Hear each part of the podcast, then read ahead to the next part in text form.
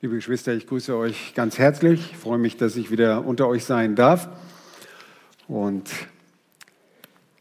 bin gespannt, ob meine Stimme auch mitmacht während der Predigt. Aber ich werde einfach eine kurze Predigt predigen, damit die Stimme nicht so herausgefordert wird. Aber jetzt wollen wir dem Herrn diese Predigt anbefehlen, damit er zu uns redet und seinen Namen groß macht. Lass uns das tun. Herr, wir bitten, rede du. Dein Wort ist Wahrheit. Wir wollen auf das achten, was du sagst. Danke, dass du uns gezeigt hast, was du von uns erwartest und wie du bist. Danke, dass du uns selbst belehrt hast, dass wir diese Dinge gut verstehen können und auch in unserem Leben anwenden können, weil wir deine Kinder sind. Wir befehlen uns dir deiner Gnade an zum Reden und auch zum Hören. Um deines Namens willen. Amen.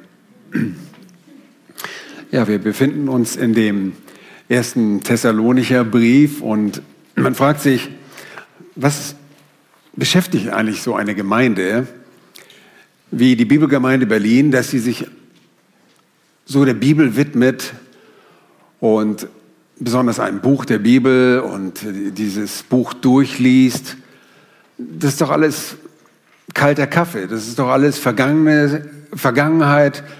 Inwiefern ist es überhaupt interessant? Warum schauen wir uns das an? Nun, wir wissen durch den Dienst unseres Herrn Jesus Christus, dass er gekommen ist, um zu erlösen.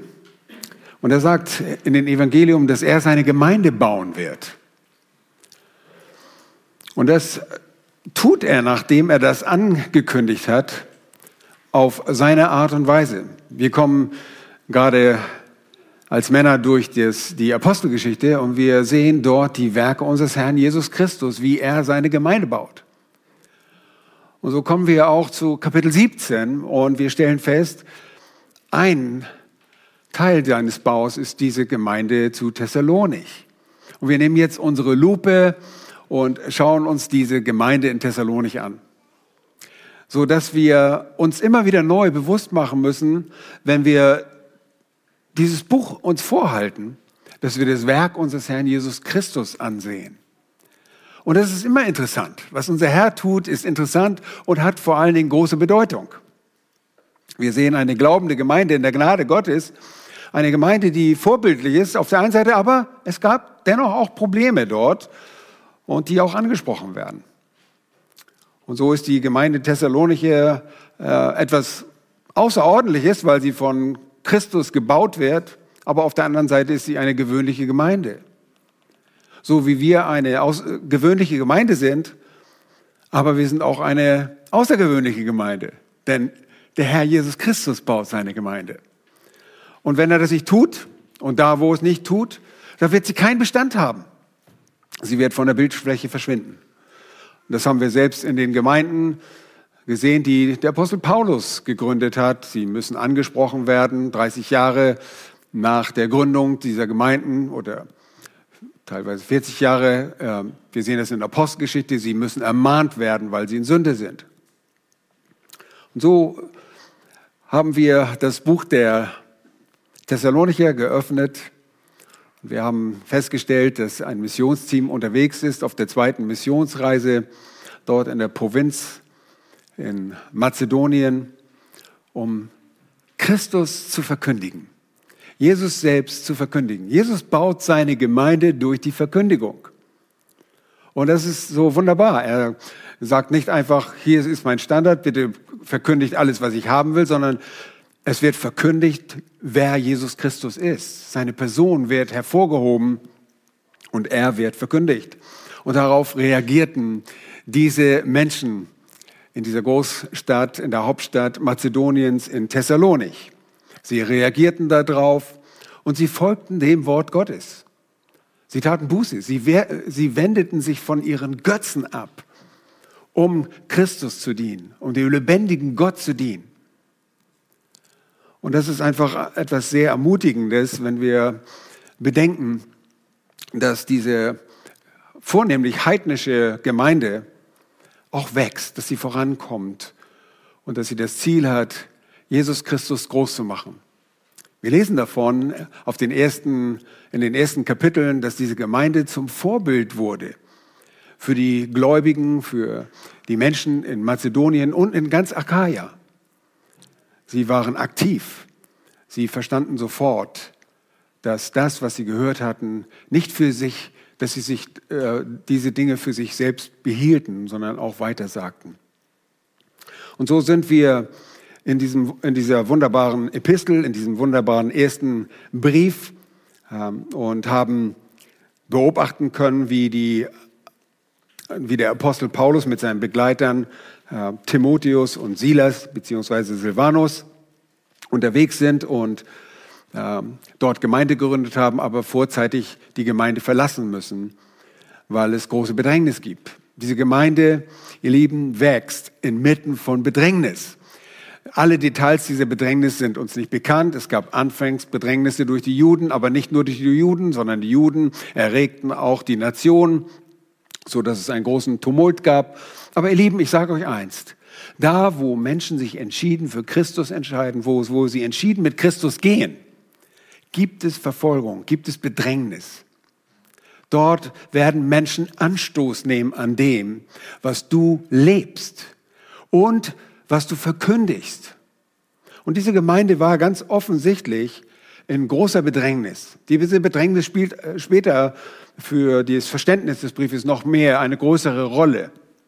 Wir müssen verstehen, in welcher Situation die Thessalonicher sich befanden, genauso wie auch die Missionare selbst, die schon weiter gereist waren und jetzt diesen ersten Brief aus Korinth schreiben. Sie selbst waren auch in Bedrängnis, denn sie waren ein Zeugnis des lebendigen Gottes. Sie waren ein Zeugnis Jesu Christi. Sie waren Zeugen Jesu.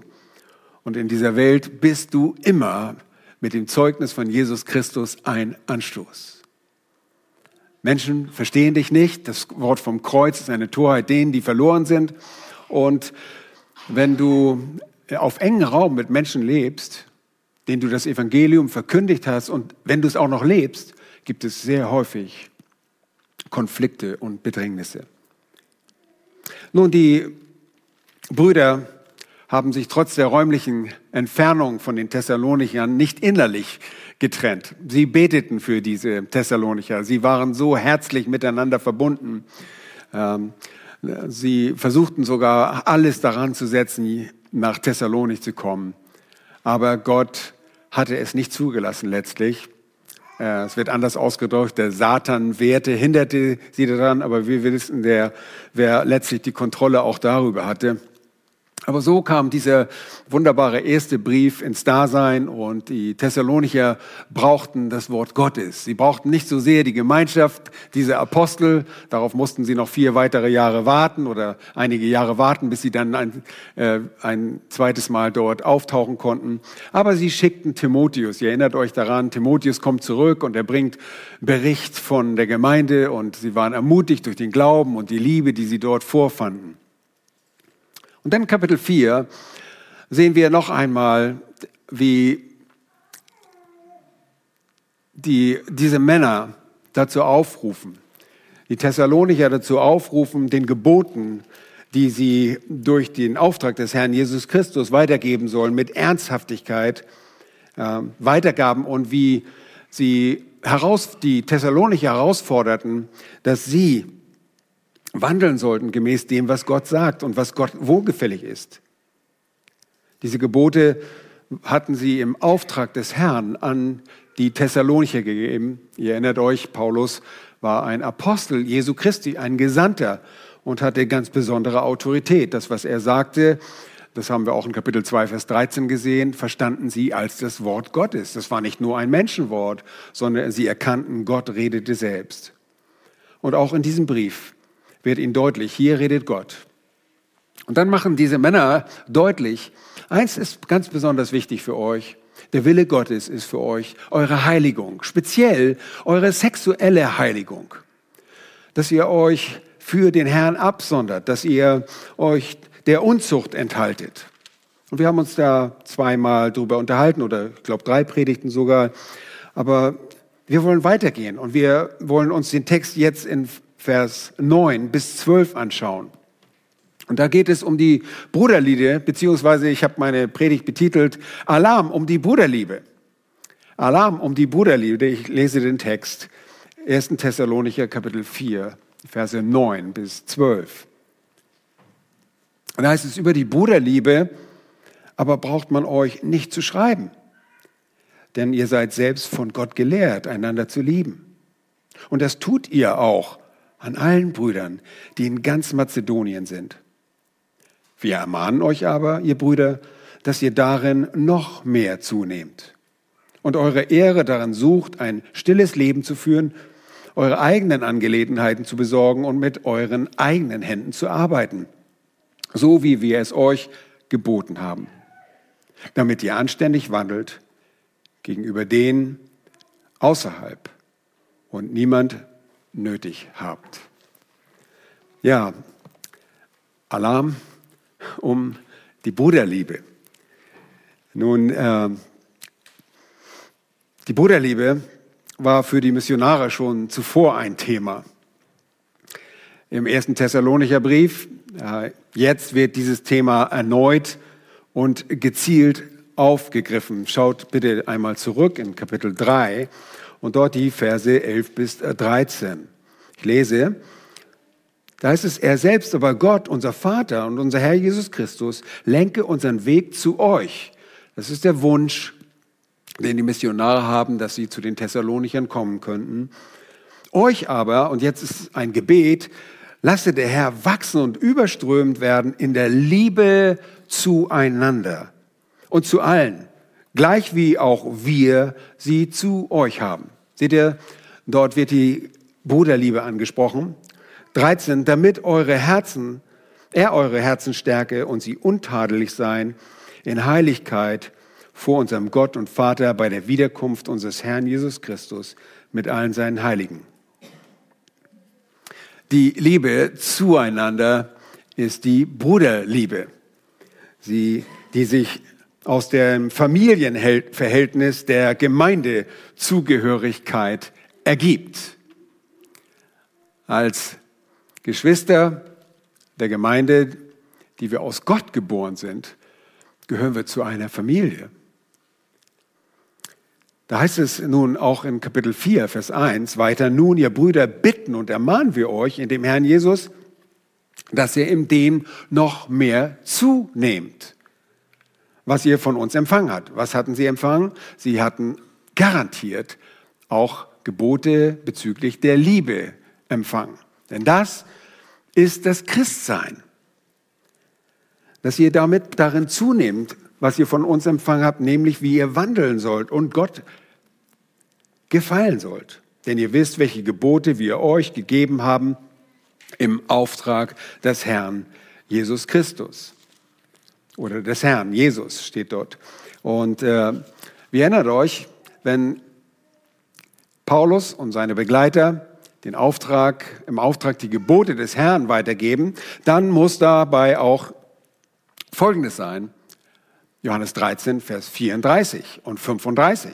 Da heißt es, ein neues Gebot gebe ich euch, sagte er seinen Jüngern, dass ihr einander lieben sollt, damit wie ich euch geliebt habe, auch ihr einander liebt. Daran wird jedermann erkennen, dass ihr meine Jünger seid, wenn ihr Liebe untereinander habt. Okay, wir wissen, das werden die Apostel, das werden die Reisebegleiter auch verkündigt haben. Das ist das, was das Evangelium ausmacht. Die Bruderliebe ist der Klebstoff einer Gemeinde. Die Bruderliebe hält die Gemeinde zusammen und lässt sie das sein, was sie ist. Paulus nennt sie gegenüber den Kolossern das Band der Vollkommenheit, die alles zusammenbindet. Da heißt es in Kolosser, so zieht nun an, als auserwählte, heilige und geliebte herzliches Erbarmen, Freundlichkeit, Demut, Sanftmut, Langmut. Ertragt einander und vergebt einander, wenn einer gegen den anderen zu klagen hat, gleich wie Christus euch vergeben hat. Über dies alles aber zieht die Liebe an, die das Band der Vollkommenheit ist.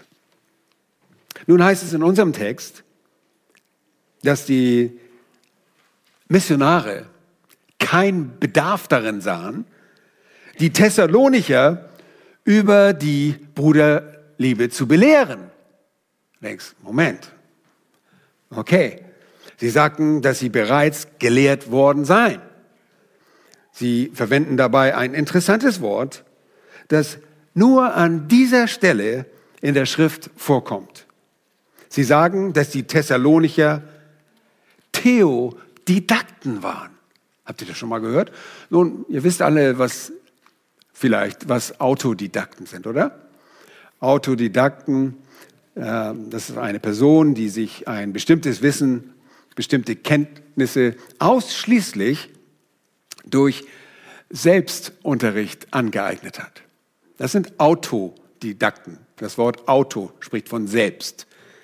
Aber hier sind es Theodidakten, von Gott gelehrt. Unser Text benutzt von Gott gelehrt ein zusammengesetztes Wort, ein Kompositum, das aus Theo, Gott und Didaktos gelehrt besteht. Er sagt, ihr seid bereits von Gott gelehrt. Christen sind alle Theodidakten. Wir sind alle von Gott belehrt. Wir sind alle von Gott belehrt. Natürlich denkst du, wir haben ja sein Wort. Ha, natürlich bin ich von Gott belehrt. Und das hatten die Thessalonicher schließlich auch, oder? Nun, eingeschränkt sicherlich. Sie hatten sicherlich die Buchrollen des Alten Testaments, aber darum geht es in diesem Fall nicht. Ich denke, hier sind nicht die Buchrollen, die Schriften des Alten Testaments gemeint, durch die die Thessalonicher bereits belehrt worden sind. Hier ist etwas anderes. Es ist vielmehr die Belehrung durch den Geist Gottes, der soeben, wie wir in Vers 8, schaut mal in Kapitel 4, Vers 8, da heißt es, deshalb, wer dies verwirft, das bezieht sich auf diese Heiligung und die Absonderung und zur, zur Reinheit, zur Heiligkeit. Deshalb, wer dies verwirft, der verwirft nicht Gott, sondern äh, verwirft nicht Menschen, sondern Gott, der doch seinen Heiligen Geist in uns gegeben hat. Das ist der Ausgangspunkt. Ein Christ besitzt, besitzt sollte man sagen, ist bewohnt durch den Heiligen Geist. Und der Heilige Geist ist der Lehrer eines jeden Christen. Johannes schreibt in seinem ersten Brief, im ersten Johannes, Kapitel 2, Vers 20 folgendes. Ihr habt die Salbung von dem Heiligen Geist und wisst alles. Okay, trifft das auch auf uns zu? Okay, dann können wir nach Hause gehen. Wir wissen sowieso schon alles, oder? Nein, in schwärmerischen Kreisen äh, wird dieser Vers dazu benutzt, um anzuzeigen, dass man keine menschlichen Lehrer mehr braucht. Wir brauchen keine Lehrer. Ich weiß schon alles. Ja, ich habe den Heiligen Geist. Nun, das ist eine Verkennung der Absicht. Johannes will deutlich machen, dass der Heilige Geist gegeben wurde, um geistliche Dinge zu verstehen und diese geistlichen Dinge für uns aufschließt. Denn der natürliche Mensch versteht von Gott gar nichts. Das Wort vom Kreuz ist ihm eine Torheit. Aber so wie der Geist Gottes in dein Leben kommt, schließt er, belehrt er dich, so dass du dieses Wort verstehst. Und so heißt es dort auch im 1. Johannes 2, in Vers 27, und die Salbung, die ihr von ihm, von Gott empfangen habt, bleibt in euch und ihr habt es nicht nötig, dass euch jemand lehrt. Also, geht wieder nach Hause, ihr habt es nicht, nein, das ist nicht gemeint, sondern wie euch die Salbung selbst über alles lehrt, ist es wahr und keine Lüge und so wie sie sich belehrt hat, werdet ihr in ihm bleiben. Wie, so wie sie euch belehrt hat, wird ihr in ihm bleiben. Der Geist Gottes zieht unser Leben und er wird dir augenblicklich deutlich machen, dass du deinen Nächsten und besonders deinen Bruder lieben sollst. Kategorisch, ohne Begründung. Er weiß, Gottes Geist produziert Liebe sogar in dir. Ja? Nun, wir folgen alle Christus. Was bedeutet Christus? Er ist der Gesalbte. Ne? Und in Antiochien lesen wir später in der Apostelgeschichte, wurden die Jünger das erste Mal wie genannt? Christen. Das haben einige ein bisschen spöttisch gemacht, aber das ist ein guter Name. Denn wir sind Gesalbte. Wir sind gesalbt mit einem Lehrer, dem Heiligen Geist. Und dieser Geist belehrt uns. Ansonsten würdest du hier nur sitzen und sagen, ich verstehe kein Wort. Was erzählst du da eigentlich?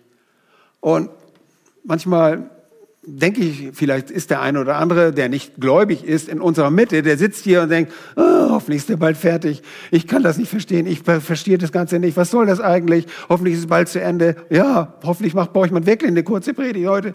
Ja. Nein, aber wir, die wir vom Geist Gottes belehrt werden, können auf einmal die Worte, die, an, die wir lesen und die an uns, die uns vermittelt werden, verstehen. Die Salbung durch den Heiligen Geist liefert uns ein Verständnis, weil wir zu neuen Kreaturen wurden, als wir zum rettenden Glauben an Jesus Christus kamen. Und das ist sehr wichtig, dass wir verstehen, wir müssen als allererstes auf diese Belehrung achten. Das ist das Erste. Wir beachten auf diese Belehrung durch den Heiligen Geist. Das ist das wichtigste Element überhaupt. Wenn wir in die Apostelgeschichte kommen, Jesus sagt, ich baue meine Gemeinde, dann gießt er zunächst erstmal seinen Geist aus über die ganzen Gläubigen, aber nur über Gläubige. Und der Paulus greift das sogar im Römerbrief auf und er sagt, mit diesem Geist ist die Liebe in eure Herzen ausgegossen. Wisst ihr, und das macht jeden Christen Ausschließlich jeder Christ ist liebend. Ist euch das bewusst?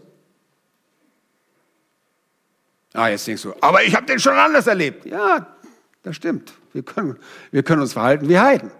Aber jeder Christ von Natur aus, wir haben eine neue Natur, liebt. Jeder Christ ist geduldig von Natur aus, weil das etwas ist, was der Geist Gottes durch uns produziert. So, und das geht nicht automatisch. Wir müssen uns unserem Herrn ergeben. Und wenn du zum Glauben kommst, dann bekennst du dem Herrn deine Schuld, du hast erkannt, wer du bist, du lieferst dich ihm voll aus, wir haben das auch gesungen, wir, wir wollen ganz mit ihm gehen und damit, dabei müssen wir auch bleiben. Wir müssen uns ihm ganz ausliefern. In dem Moment, wo wir uns nicht ganz ausliefern, wird diese Salbung, dieser Lehrer gedämpft, dass er auf einmal vielleicht auch falsche Dinge glauben. Wir sind verehrt und wir sehen nicht mehr deutlich. Und deshalb ist eine glaubende Gemeinde, eine glaubende Gemeinde in der Gnade Gottes, eine, Gnade, eine Gemeinde, die sich immer wieder reinigt. Das lehrt die Schrift. Wisst ihr, wir sind nicht Leute, die über der Erde schweben. Wir sind Leute, die sich ständig reinigen müssen, weil wir uns mit Sünde besudeln. Aber wir tolerieren in unserem eigenen Leben diese Sünde nicht. Sie macht uns sogar sehr traurig. So kommen wir in aller Demut vor den lebendigen Gott und bitten ihn, dass er uns reinigt. Das macht dein Leben aus, wenn du ein Kind Gottes bist. Wenn das nicht der Fall ist, wenn du nicht davon weißt, dass du dich immer wieder zum Herrn wenden musst, um Vergebung zu bitten, dann bist du wahrscheinlich kein Christ. Aber der Geist Gottes sagte, hatte die Thessalonicher belehrt, einander zu lieben. Nun, Christus bedeutet nichts anderes als Gesalbte. Er ist der Gesalbte. Christen, so wie die Jünger äh, sich seit Antiochien nannten und genannt wurden, sind Gesalbte. Wir sind gewissermaßen kleine Christusse. Und du kannst kein Christ sein, wenn du nicht verstehst, dass der Vater seinen Sohn geliebt hat und der Sohn seinen Vater. So bist du gerettet worden. Du bist aus Liebe errettet worden. Nicht, weil Gott einfach irgendwas Gutes in dir gefunden hat und gedacht hat, oh, den brauche ich unbedingt. Ich baue ja noch ein Reich und äh, ich brauche unbedingt fähige Leute im Reich. Nein, obwohl wir niemand und überaus schuldig und verdorben sind, hat Christus vor Grundlegung der Welt seine Liebe auf uns gesetzt, um uns zu erlösen. Und vielleicht denkst du jetzt, aber Hat er denn auch gewusst, was ich für ein Typ bin? Auch nachdem ich Christ wurde. Oh ja, Christus ist nicht überrascht. Ja, wir müssen Christus nicht erzählen, was wir getan haben. Der weiß das schon alles. Aber wir bekennen dennoch immer wieder auch unsere Verfehlungen. Wir sind aus Gott geboren. Und deshalb, weil wir aus Gott geboren sind, nennen wir Gott unseren himmlischen Vater. Und was macht uns das? Das macht uns zu Söhnen. Und der Jesus ist auch ein Sohn. Also sind wir mit unserem Herrn Jesus Christus geboren. Aus einem, sagt die Bibel, sind wir Brüder. Und Jesus selbst schämt sich nicht einmal, uns Brüder zu nennen, sagt der Schreiber des Hebräerbriefes in Kapitel 2. Wir sind Brüder. Und weil wir Brüder sind und Söhne sind, sind wir Miterben des Christus. Wir sind belehrt worden. Johannes schreibt, jeder, der glaubt, dass Jesus der Christus ist, der ist aus Gott geboren. Das ist die Neugeburt. Und wer den liebt, der ihn geboren hat, der liebt auch den, der aus ihm geboren ist. Habt ihr das verstanden? Jeder,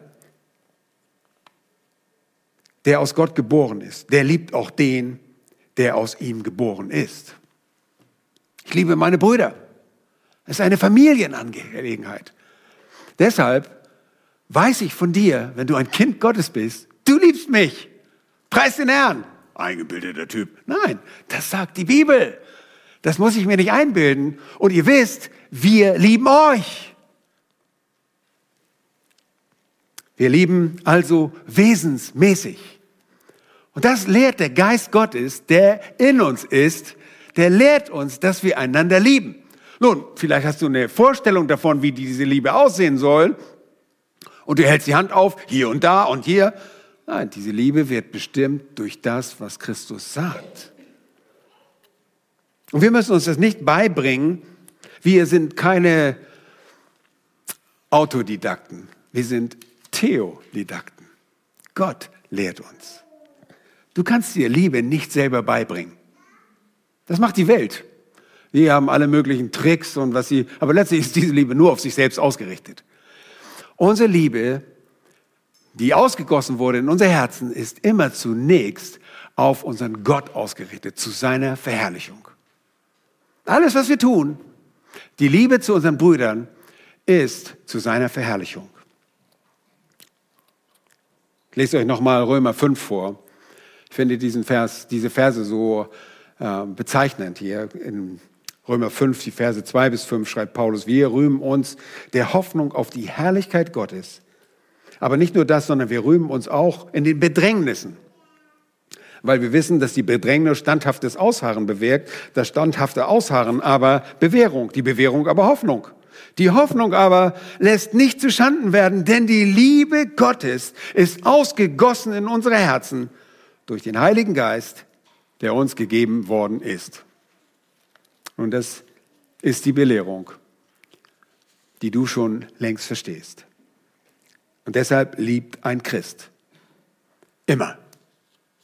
Es gibt keine lieblosen, wesensmäßig lieblosen Christen. Gibt es nicht. Ja? Temporär sind wir das. Immer dann, wenn wir in Sünde leben und an uns selbst denken, sind wir lieblos. Okay? Also müssen wir uns wieder neu reinigen. Und dann ist die Liebe da. Es gibt mir für mich nichts Schöneres, als in die Gemeinschaft der Heiligen zu kommen, weil dort sind die Menschen, die ich liebe. Was ist das? Was ist natürlicher als das? Einfach mit den Leuten zusammen zu sein, die ich liebe und immer lieben werde. Wir werden immer Seite an Seite sein. Ohne diese Liebe ist der Mensch kein Gesalbter, ohne Heiligen Geist, ohne Hoffnung und ohne Leben. Nun, achte auf die Belehrung Gottes. Das ist der allererste Punkt, den er hier deutlich macht. Die Belehrung Gottes des Geistes und liebt einander. Nun, dazu können wir etwas beitragen. Und deshalb, zweiten Punkt, achte auf das Lob. Vers 9 und 10a besonders. 9a ist eigentlich nur eine Bestätigung über die Bruderliebe, sagt es, sagt, äh, sagen die Brüder hier, aber braucht man euch nicht zu schreiben. Ich brauche euch keine Details geben. Wisst ihr, Bruderliebe, sagt er, die muss ich euch nicht vorschreiben. Das Wesen findet eine Art und Weise, diese Liebe Ausdruck zu verleihen. Wisst ihr, wenn wir über Liebe predigen, ich muss dir nicht sagen, wie viele tausend Wege es gibt, um diese Liebe anzuwenden. Das wird der Heilige Geist dir zeigen, wie du diese Liebe anwenden sollst. Dann sagt er, ihr seid selbst von Gott äh, gelehrt, einander zu lieben, Vers 10. Und, jetzt kommt das Lob, das tut ihr. Das tut ihr an allen Brüdern, die in ganz Mazedonien sind. Das ist erstaunlich. Es ist interessant, dass die Missionare keine genaue Beschreibung der Bruderliebe geben.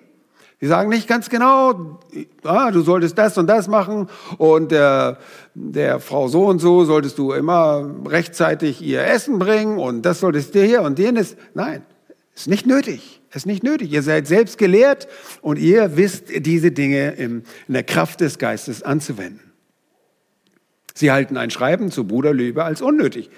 Und das war es. Es war einfach unnötig. Die Geschwister in Thessalonicher wussten, wie man diese Liebe in der Kraft anwendet. Und sie taten es. Sie liebten und brachten Werke des Glaubens hervor. Die Missionare gedachten sogar der Bemühung in der Liebe. Erinnert euch an die ersten Verse? Sie gedachten an, die, an der Bemühung in der Liebe. Die Thessalonicher bemühten sich. Die Liebe hatte das bewirkt in ihrem Leben, dass sie sich bemühten. Sie wussten von den Thessalonichern, dass sie das, was sie taten, aus Liebe taten. Paulus, Timotheus und Silvanus beobachteten ihre Ergebenheit, ihr standhaftes Ausharren in der Hoffnung auf den Herrn Jesus Christus inmitten dieser Bedrängnisse. Warum? Weil sie über alles und über allem den Herrn Jesus Christus liebten. Er war ihre Hoffnung.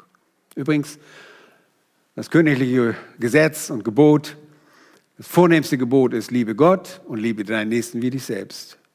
Diese beiden sind durchaus vergleichbar, weil du kannst die beiden nicht voneinander trennen. Und sie die Missionare wussten das. Sie sahen, dass das Evangelium Veränderung herbeigebracht hatte. Sie sahen in den neuen Gläubigen ihre Nachahmer und die des Herrn. Schaut einmal Kapitel 1, Vers 6 und 7. Und ihr seid unsere und des Herrn Nachahmer geworden, indem ihr das Wort unter viel Bedrängnis aufgenommen habt. Mit Freude des Heiligen Geistes, so dass ihr Vorbilder geworden seid für alle Gläubigen in Mazedonien und Achaia. Nun, sie sind zum einen Vorbilder geworden, aber sie haben auch die Brüder in ganz Mazedonien geliebt.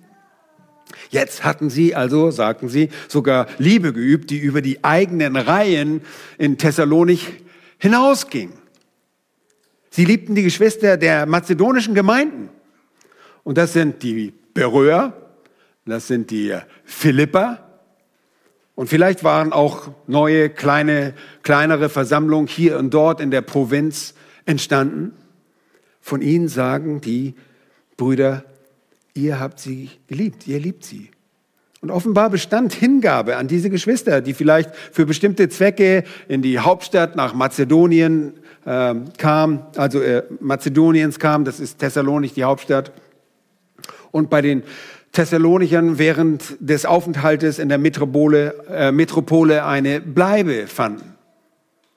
Vielleicht haben sie ihre Häuser geöffnet, haben gesagt, ihr könnt zu uns kommen. Erinnert euch, auch andere Gläubige litten in dieser Zeit. Die Kinder Gottes waren aufeinander angewiesen. Und die Thessalonicher gingen mit einem sehr guten Beispiel voraus. Vielleicht war, fand die Bruderliebe Ausdruck in der Gastfreundschaft. Wie auch immer das noch geschah, in den Zeiten ihrer starken Bedrängnis übten sie diese Bruderliebe aus. Das ist hiermit gesagt. Und wir denken, ha, wunderbar, da kann ja gar nichts mehr schiefgehen. Nun, die Bedrängnis hielt sie nicht ab, Liebe zu erweisen, denn Gott hatte sie das gelehrt, Sie waren schließlich Christen und Christen sind nochmal was? Theodidakten. Willst du das Lob Gottes, denn erweise deinem Bruder die Liebe, die ihm gebührt.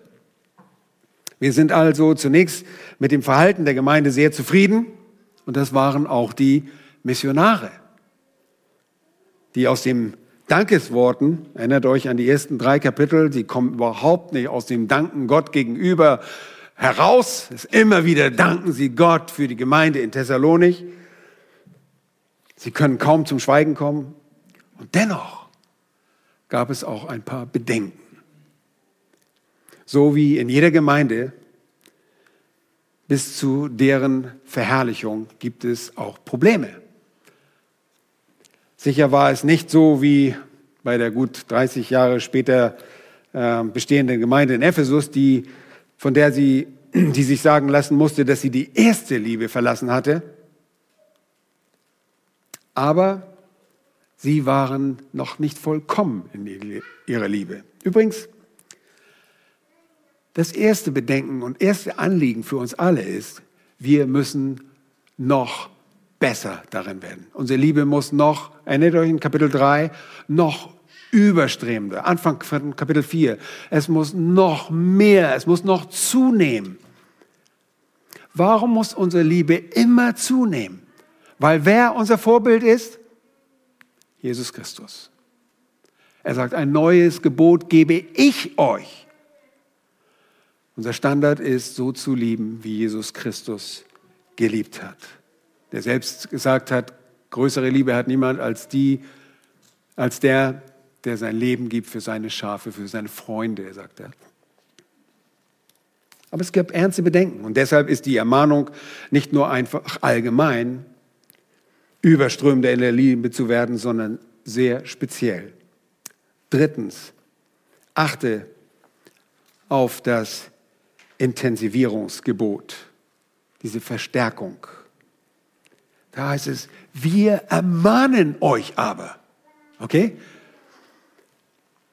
Wir ermahnen euch, ihr Brüder, ganz deutlich, die Brüder sind angesprochen, dass ihr darin noch mehr zunehmt. Worin? In der Bruderliebe. Und eure Ehre darin sucht, ein stilles Leben zu führen, eure eigenen Angelegenheiten zu besorgen und mit euren eigenen Händen zu arbeiten, so wie wir es euch geboten haben. Nun auf das bestätigende Lob folgt eine Ermahnung. Und dabei benutzen, wählen die Autoren das uns bekannte griechische Wort Parakaleo, das sich aufgrund des Kontextes unterschiedlich lesen lässt in der Schrift. Es kann als ermutigen, aber auch als ernsthaftes Mahnen, ernsthaftes Ansporn gemeint sein. Und hier ist das Letztere der Fall. Die Gemeindegründer kommen an die Seite der Thessalonicher, ermahnen zu dem, was sie bereits in Kapitel 3 als Gebet dem Herrn Jesus ausgedrückt hatten. Eine Intensivierung der Bruderliebe ist notwendig. Wir bleiben nicht stehen. Und dabei sind alle aufgefordert. Sie werden hier kollektiv angesprochen. Weil wisst ihr, wie das bei kollektiven Anreden ist? Jeder Einzelne ist verantwortlich, damit das Kollektiv zustande kommen kann. Alle sind gefordert, denn die Liebe zum Nächsten spiegelt nur die Liebe zu Gott wider. Und die kann immer nur in einem Einzelnen, niemals kollektiv wachsen. Immer beim Einzelnen zunehmen. Unsere Liebe zu ihm ist nicht voll ausgestaltet. Und das ist auch für die Bruderliebe noch nicht eingetroffen. Sie wachsen gemeinsam. Je mehr du Christus liebst, desto mehr wirst du deine Brüder lieben. Wenn du deine Brüder nicht liebst, dann sagt das mir etwas über deine Liebe zu Gott selbst. Weil du kannst nicht sagen, ja, ich liebe Gott. Ja, du liebst ihn, obwohl du ihn nicht siehst. Hm, komisch. Wenn du nicht mal deine Brüder liebst, die du siehst. Allerdings haben die Missionare auch ein paar spezielle Besorgnisse, die sie jetzt auch ansprechen. Besorgnisse für die Gemeinde zu Thessalonik, die sich durch spezifische Anweisung aber abstellen ließen. Aber sie taten es nicht, wie wir auch später aus dem zweiten Brief erfahren werden. Einige von ihnen blieben dabei und beachteten diese Anweisung nicht. Lass uns gemeinsam ansehen, wie die leitenden Brüder die Anweisung des Intensivierungsgebots zur Bruderliebe in drei Teile aufschrieben. Zuerst sagen sie, das ist 3a, forciert die Bruderliebe oder forciere die Bruderliebe durch einen stillen Lebensstil. Heißt es, und eure Ehre darin sucht. Sie sollten ihre Ehre darin suchen, ein, stillen Leben, ein stilles Leben zu führen. Als erste Maßnahme, um die Bruderliebe in den Reihen der Thessalonicher zu intensivieren, sollten die Empfänger ihre Ehre darin suchen. Das ist tatsächlich dieses Wort. Ein stilles Leben zu führen. Und das zu tun erfordert gegenseitiges Ermuntern und Ermahnen. Sie sollten ein stilles, das heißt ein ruhiges, schweigendes Leben führen. Nun, bei diesen Worten geht es allerdings nicht darum, dass die Thessalonicher einfach schweigend sein sollten und ihren Mund, ihre Klappe halten sollten, keinen Mucks mehr von sich geben sollten, sondern hier ist etwas anderes gemeint. Es gilt offenbar aus dem Zusammenhang heraus zu verstehen, dass sie friedlich sein sollten. Sie sollten durch ihr Leben kein zusätzliches Aufsehen erregen.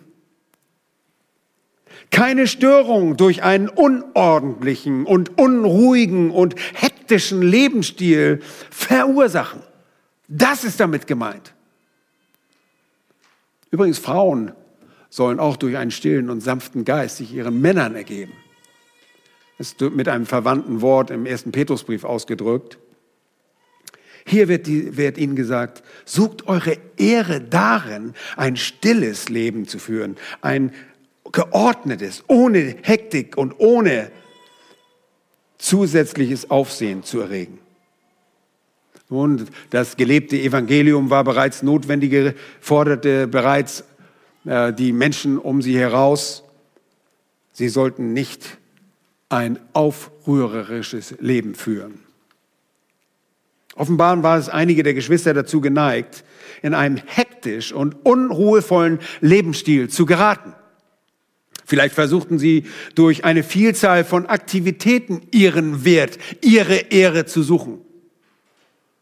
Ja, das kennen wir. Ja, wenn ich zurückgucke in 20 Jahre Bibelgemeinde, es gab immer wieder Leute, die durch viel Action versuchen, ihre eigene Ehre darin zu suchen, dass sie viel getan haben, ohne jetzt jemandem zu nahe zu treten. Aber das ist heute in der Gemeinde ganz häufig der Fall, dass wir nicht darin die Ehre suchen, in einem stillen, geordneten, hingebungsvollen Leben Christus gegenüber die Ehre zu suchen, sondern durch viel Aktion um der Aktion willen. das sind Dinge, die zunächst augenscheinlich der Gemeinde dienen. Aber wenn man genau hinsieht, dann schadet es den Geschwistern eher, als dass es Hilfe ist. Ich denke zurück, wir hatten manchmal Leute, die wurden manipuliert in der Gemeinde. Ja, und das sah einfach gut aus. Oh, die tun tatsächlich alles, aber nur aufgrund von bestimmter Manipulation. Geschwister, die in der Gemeinde Hans Dampf in allen Gassen sind, verbreiten eine wirklich gefährliche Unruhe. Du denkst, wieso? Wieso? Das ist doch klasse, wenn jemand richtig, der steht doch in der Bruderliebe. Nun, Unruhe steht der Bruderliebe diametral gegenüber. Lass mich das ein bisschen erklären.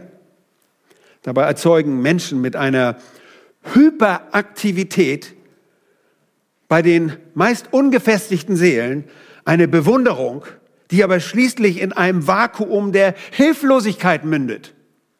Du denkst, oh, was die alles machen. Und ich, was mache ich? Ich kann das alles gar nicht. Ich bin nicht so ein guter Mensch. Wenn so und so das alles schafft, dann bin ich wohl ein Niemand. Vielleicht ist unsere Gemeinde auch gar nicht die richtige denn die anderen haben ja auch viel mehr Programme. Warum ist unsere Gemeinde nur so lahm? Was ist das denn eigentlich? Nun, das wird sicherlich nicht das Problem der Thessalonicher gewesen sein, denn ihr Zeugnis war bereits überall bekannt. Aber sie führten dennoch und sollten ein stilles, ruhiges, ohne Aufsehen erregendes Leben zu führen. Es gab offenbar unruhige Personen. Ihr Lieben, wollt ihr Bruderliebe forcieren? Dann führt ein ruhiges Leben ohne großes Aufsehen. Ich liebe Menschen, die Ruhe ausstrahlen, die wirklich eine Ruhe mit sich bringen, wo man sagen kann, oh, das ist zu Hause. Wirklich, ich erinnere mich gut an Menschen in, in Gemeinden, nach denen man immer und grundsätzlich hinterher zerbrochenes Glas auffegen musste. Weil überall war Hansdampf in allen Gassen. Überall musste man mitmischen. Lieben, das hat nichts mit Bruderliebe zu tun. Nun, ihr könnt das aus Liebe zu den Geschwistern auch anders lösen und Christus, in Christus Ruhe für eure Seelen finden und aus dieser Ruhe heraus sein Wort verkünden. Das heißt nicht, faul zu sein. Und da kommen wir gleich hin. Einen zweiten Aspekt zur Intensivierung der Bruderliebe sprechen die Missionare in der Mitte von Vers 11 an. Das ist B. Forciere die Bruderliebe durch die Übernahme von Eigenverantwortung. Da heißt es in der Mitte, eure eigenen Angelegenheiten zu besorgen. Vermutlich hatten einige Thessalonicher in der Nahzeiterwartung auf das Kommen des Herrn Jesus Christus ihre Arbeit niedergelegt. Das ist äh, mehrfach passiert, auch von verschiedenen Sekten. Die denken, ja, Jesus kommt wieder. Denk an die Adventisten. Ähm, Jesus kommt wieder. Wir verkaufen alles, warten auf den Berg und tun einfach nichts mehr. Sie glaubten, Jesus würde wiederkommen und es geht aus dem weiteren äh, Texten auch hervor, dass sie wirklich eine Nahzeiterwartung hatten. Sie glaubten, dass es nicht länger nötig wäre, mit Mühsal das eigene Brot zu verdienen. Nach dem Motto, das bringt jetzt eh nichts mehr. Und dadurch wurden sie zu gefährlichen Wichtigtouren, die aufgrund überschüssiger Zeit die Tagesabläufe der Glaubensgeschwister störten. Das ist alles andere als Bruderliebe. Faule Wichtigtuer, ihr Lieben, haben keinen Lohn, weil sie nicht und geringfügig arbeiten und suchen so die Anerkennung durch ihr nutzloses Geschwätz. Also, wir suchen unsere Ehre darin, ein stilles Leben zu führen. Wir suchen nicht unsere Ehre durch Hyperaktivität und schon gar nicht in Einmischung.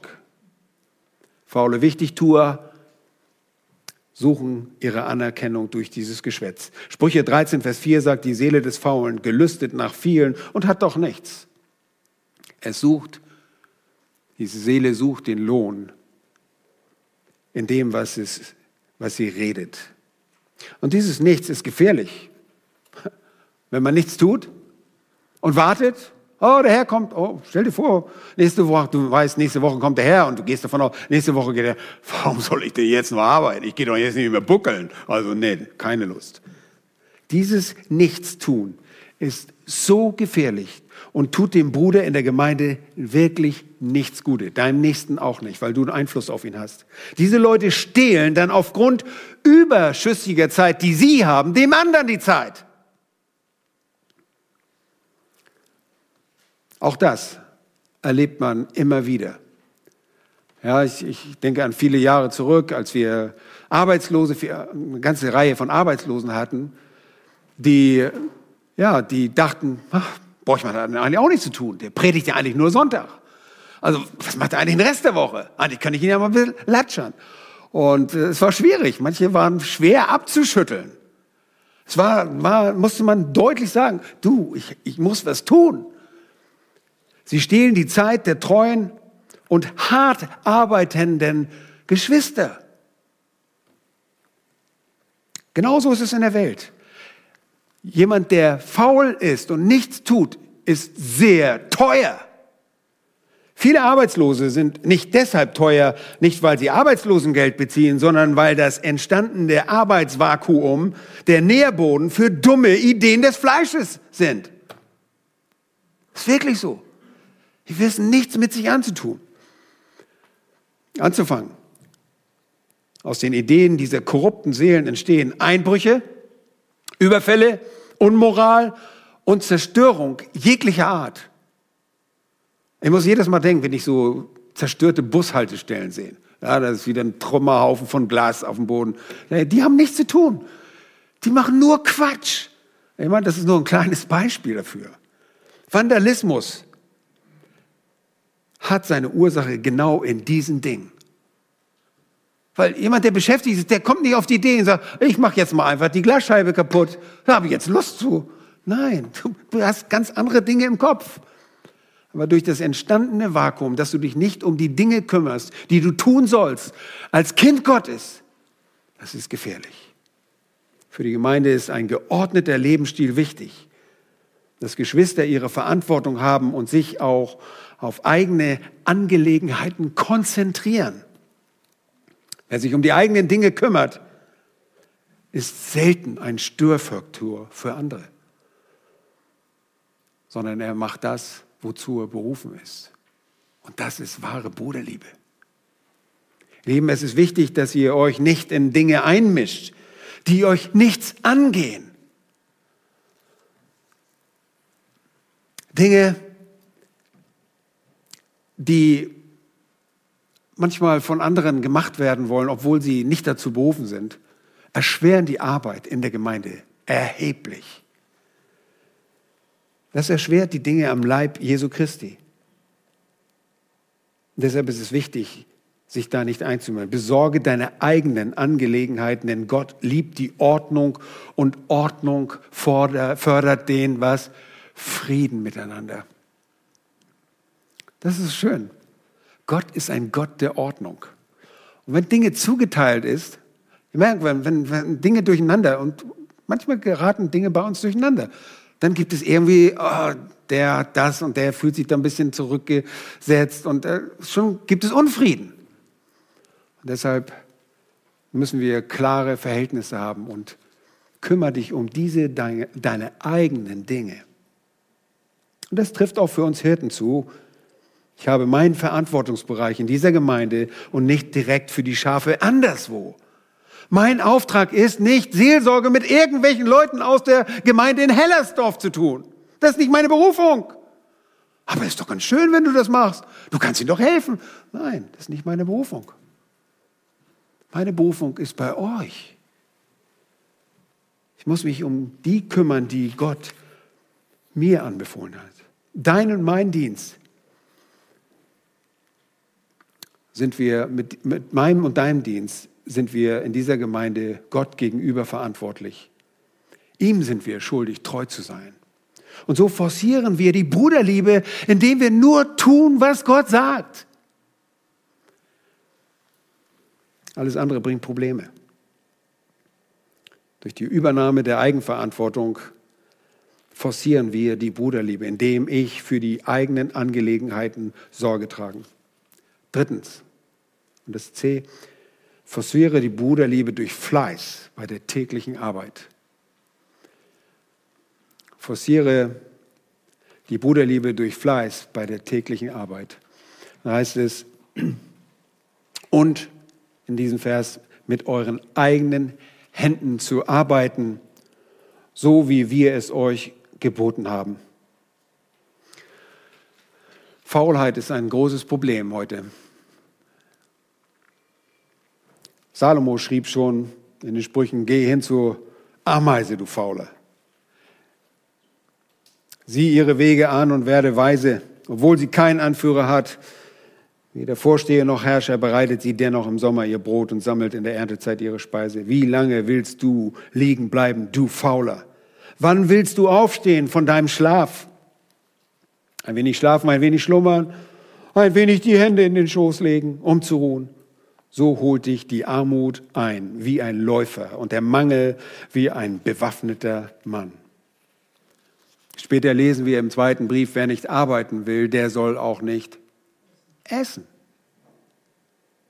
Statt besserwisserisch die Brüder zu stören und von ihren Verantwortungen abzuhalten, weil du so viel Zeit an der Backe hast und vielleicht noch sogar bessere Ideen in deinem Kopf entstanden hat, weil du zu viel Zeit hast dafür, sollte ein jeder mit den eigenen Händen arbeiten.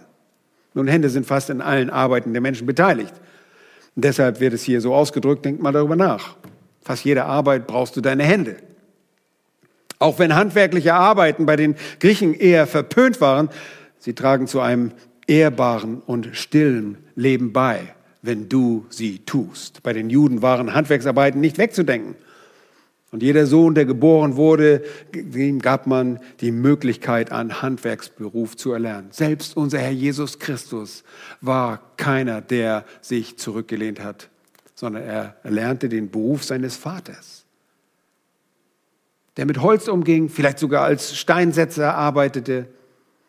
Unser Herr Jesus ist unser bestes Vorbild. Ein Leben, in dem man für den eigenen Lebensunterhalt arbeitet und Lohn empfängt, schafft unabhängig und ermöglicht die Ausübung von Großzügigkeit. Ein solches Leben ermöglicht ein Teilen des Anvertrauten um der Bruderliebe willen. Nun, Ihr könnt euch vorstellen, jemand, der sich in der Gemeinde in, bei den Thessalonichern zurückgelehnt hat, hat gesagt, ah, ich warte auf den Herrn. Der wartet heute noch. Ich meine, der ist wahrscheinlich versteinert in der Ecke, aber äh, der hat bald nichts mehr zu essen. Und wo gehst du hin? Oh, Bruder, komm heute Abend zu Besuch. Hast du was essen? Oh, dein Grill ist dann. Ich komme zu Besuch. Ich bringe einen Schluck Wasser mit. Ja, nein. Ihr Lieben, wir müssen Verantwortung nehmen. Der Job, den Gott dir gegeben hat, ist deine Verantwortung. Tu es so gut, wie du nur irgendwie kannst. Nicht mit Faulheit. Dann ermöglicht Gott dir sogar das Geben und das Teilen. Für die wirklich Bedürftigen. Nicht für die faulen Knochen sondern für Leute, die wirklich in Not fallen. Und das gibt es. Es gibt Fälle, wo wir auf die Hilfe unserer Geschwister angewiesen sind. Aber es ist notwendig für die Forcierung von Bruderliebe, dass wir ein stilles, ehrbares Leben führen, dass wir uns nicht in fremde Dinge einmischen und dass wir fleißig arbeiten. Das taten auch die Apostel und sie lebten das ihnen vor. Sie nehmen sogar Bezug darauf. Sie sagten, wir sind euch nicht zur Last gefallen. Wir haben mit unseren eigenen Händen dafür gesorgt, für unseren Unterhalt gesorgt. Ich erinnere mich, als ich ja, nach Kanada kam, in dieses kleine Indianerdorf, habe ich mir gedacht, was denken die bloß von mir? Da kommt einer, der, der braucht nicht arbeiten. Der, der kommt einfach da und ja, der kann einfach fischen fahren, wenn er fischen fahren will. Und, und äh, es war sehr schön, als ich dann nach wenigen Monaten gefragt wurde, würdest du einen Rettungsdienst machen? Ich habe mich als Rettungssanitäter ausbilden lassen und äh, habe dann später auch meinen eigenen Betrieb geöffnet. Ich habe eine Installationswerkstatt gehabt und ich habe dort gearbeitet. Und die Leute haben gewusst, der kann auch arbeiten. Also ja, natürlich müssen wir Leute auch belehren. Und der Arbeiter ist immer seines Lohnes wert. Ich war Missionar da, ich wollte Menschen erreichen und dafür auch ausgesandt. Aber das muss man sich überlegen. Wie sehen die Leute einen eigentlich? Kommt er einfach, oh, der macht sich ein tolles, bequemes Leben? Willst du die Bruderliebe forcieren? Willst du vorankommen? Dass sie, willst du sie stärken? Dann achte auf dieses Intensivierungsgebot, die Anordnung, wie du die Bruderliebe forcieren kannst. Viertens, und zum Schluss zeigen diese reisenden Brüder den Thessalonichern den Zweck hinter all dem. Viertens, achte auf die Verantwortung. Vers 12, jeder Bibelstudent weiß, wenn es einen Satz gibt, der mit damit anfängt, den Zweck ausdrückt, ein Finalsatz, damit ihr anständig wandelt gegenüber den außerhalb, außerhalb was? der Gemeinde. Hier wird von innerhalb und außerhalb reden wir, dann reden wir von der Gemeinde. Die Bruderliebe findet statt in der Gemeinde. Wir sollen natürlich Liebe zu allen haben, wie es auch in Kapitel 3 steht. Wir haben Liebe zu allen Menschen, aber besonders für den Haushalt, Haushalt Gottes. Besonders die Geschwister sind uns an Anliegen. Nur wenn du all diese Dinge, vor allem die drei Dinge in dir in deinem Leben berücksichtigt, kannst du einen anständigen, einen geordneten und begehrenswerten Lebenswandel führen. Nun, ich erinnere mich nochmal an, an das Gebot unseres Herrn Jesus Christus. Warum forcieren wir die Bruderliebe? Erstens ist sie natürlich. Wir sind von Gott belehrt, dass wir einander lieben sollen. Das ist nichts äh, kein Christ würde sagen, nee, also das kommt bei mir nicht in die Tüte, warum soll ich den nächsten leben? Nein, selbstverständlich. Wir sind vom Geist Gottes, der in uns lebt, belehrt, einander zu leben. Und dann sagte Jesus, ich gebe euch dieses neue Gebot, dass ihr einander lieben sollt, damit, wie ich euch geliebt habe, auch ihr einander liebt. Okay? Das ist die Gemeinde. Und dann sagt er in Vers, Kapitel 13, Vers 35 im Johannesevangelium, daran wird jedermann erkennen, dass ihr meine Jünger seid. Und Jünger sind Gesalbte, sind Christen. Wenn ihr Liebe untereinander habt. Das angestrebte Ziel ist ein anständiger Wandel, ein nicht unordentlicher, sondern ein ansprechender, begehrenswerter Wandel. Wenn Menschen sehen können, wie wir Liebe füreinander haben, das kennt die Welt nicht. Die Welt kennt nur selbstbezogene, egoistische Liebe. Das verdient nicht mal den, das, äh, den Namen Liebe. Es ist immer auf sich gerichtet. Und wenn wir in Uneigennützigkeit zur Ehre Gottes den Bruder und die Schwester lieben, dann sind wir genau das Zeugnis, das wir sein sollen. Gemeinden wachsen nicht, wenn wir nicht im Gehorsam genau tun, was Gott sagt. Wenn wir nicht aus Gehorsam Gott lieben. Ich meine, er hat uns zuerst geliebt und deshalb lieben wir ihn, oder? Wir wollen ihm wohlgefällig wandeln. Wenn wir ihm wohlgefällig wandeln, dann gehört es dazu, dass wir die Bruderliebe untereinander forcieren.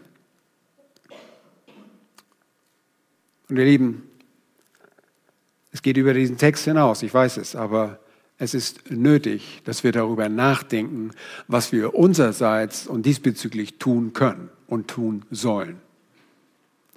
Hier waren drei Kategorien und auch viele Dinge, die wir nicht tun sollen. Aber wie können wir das besser machen? Wie können wir einander besser lieben? Wie können wir vorankommen? Und ich sage euch eins, bleibt im Wort Gottes. Du kannst nicht das Wort Gottes von ganzem Herzen studieren und das Wort Gottes lieben und deinen Bruder nicht lieben. Das geht nicht, passt nicht zusammen.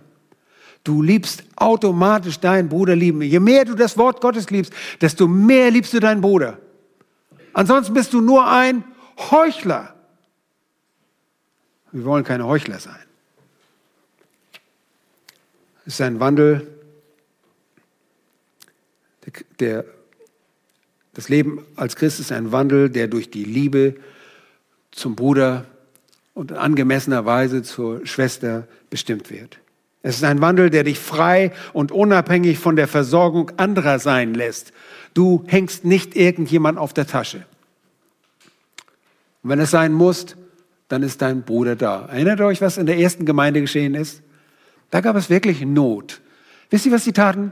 Die verkauften ihre Grundstücke und legten das Geld zu den Füßen der Apostel, damit sie das Geld verteilen konnte, so wie es Not gab. Da gab es echte Not. Da gab es nicht eine Not, weil sie alle faul waren, sondern es gab aufgrund einer Krise im ganzen Land, Hungersnot. Und auch als Reaktion auf die Verkündigung wurden viele Christen verfolgt. Dann gibt es echte Not. Und dann muss das Herz des Kindes Gottes, eines, eines Bruders, weit aufgehen. Denn das siehst du bei Jesus. Ihr Lieben, Jesus kam, um zu lieben. Stimmt's? Was tat er? Er kam als ein Verkündiger. Er drückt seine Liebe in der Verkündigung aus. Er offenbart sich Und dann kommt er an diesen Menschen vorbei, die am Straßenrand äh, sitzen, krank, und er hat Mitgefühl. Wisst ihr was? Ein Kind Gottes hat immer Mitgefühl. Wir, wir können nicht sagen, Ukraine, oh, das ist ja so weit weg, lass sie doch alleine. Das ist Liebe zu deinen Brüdern, zu den Brüdern. Das ist das, was durch das EWDC geht an die Brüder in erster Linie, die dann das wieder nutzen, um andere zu evangelisieren. Das ist nicht so. Ein Christ ist so gestrickt. Aber lasst uns dabei niemals die Prioritäten aus den Augen äh, verlieren. Es ist ein Wandel, der durch seine Liebe die Menschen außerhalb der Gemeinde anspricht. Und da heißt es, damit ihr anständig wandelt gegenüber denen außerhalb.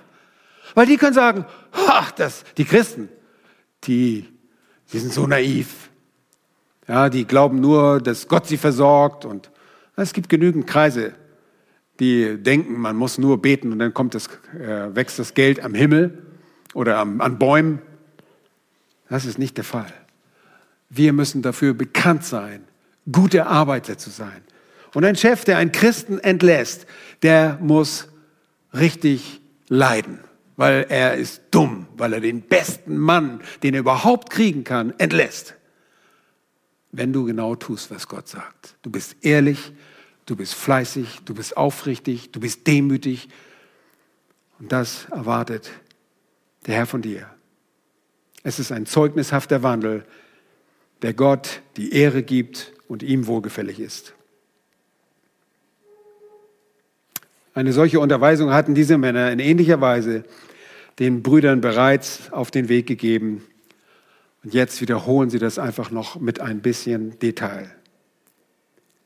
Und nochmals, und ich komme zum Schluss, das allerbeste Vorbild für die Bruderliebe ist in Jesus Christus zu sehen.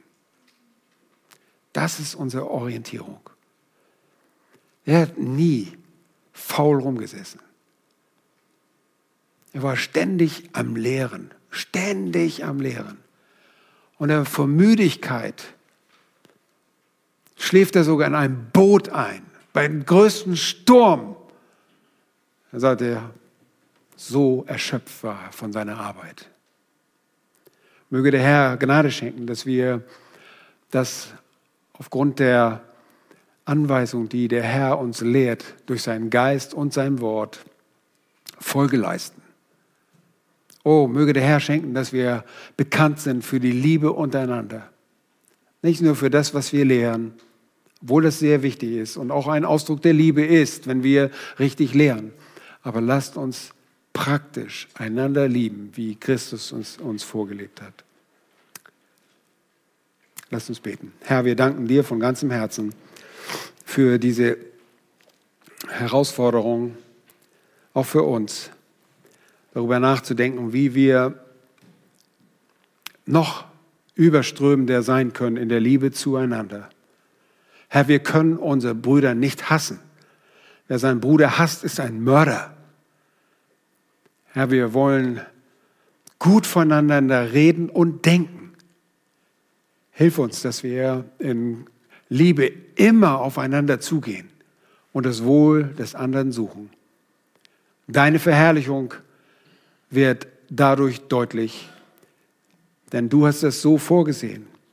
Darin, Herr, wird deine mannigfaltige Weisheit in der Gemeinde, auch den Fürstentümern und Gewalten, den, den Engelwelten bekannt.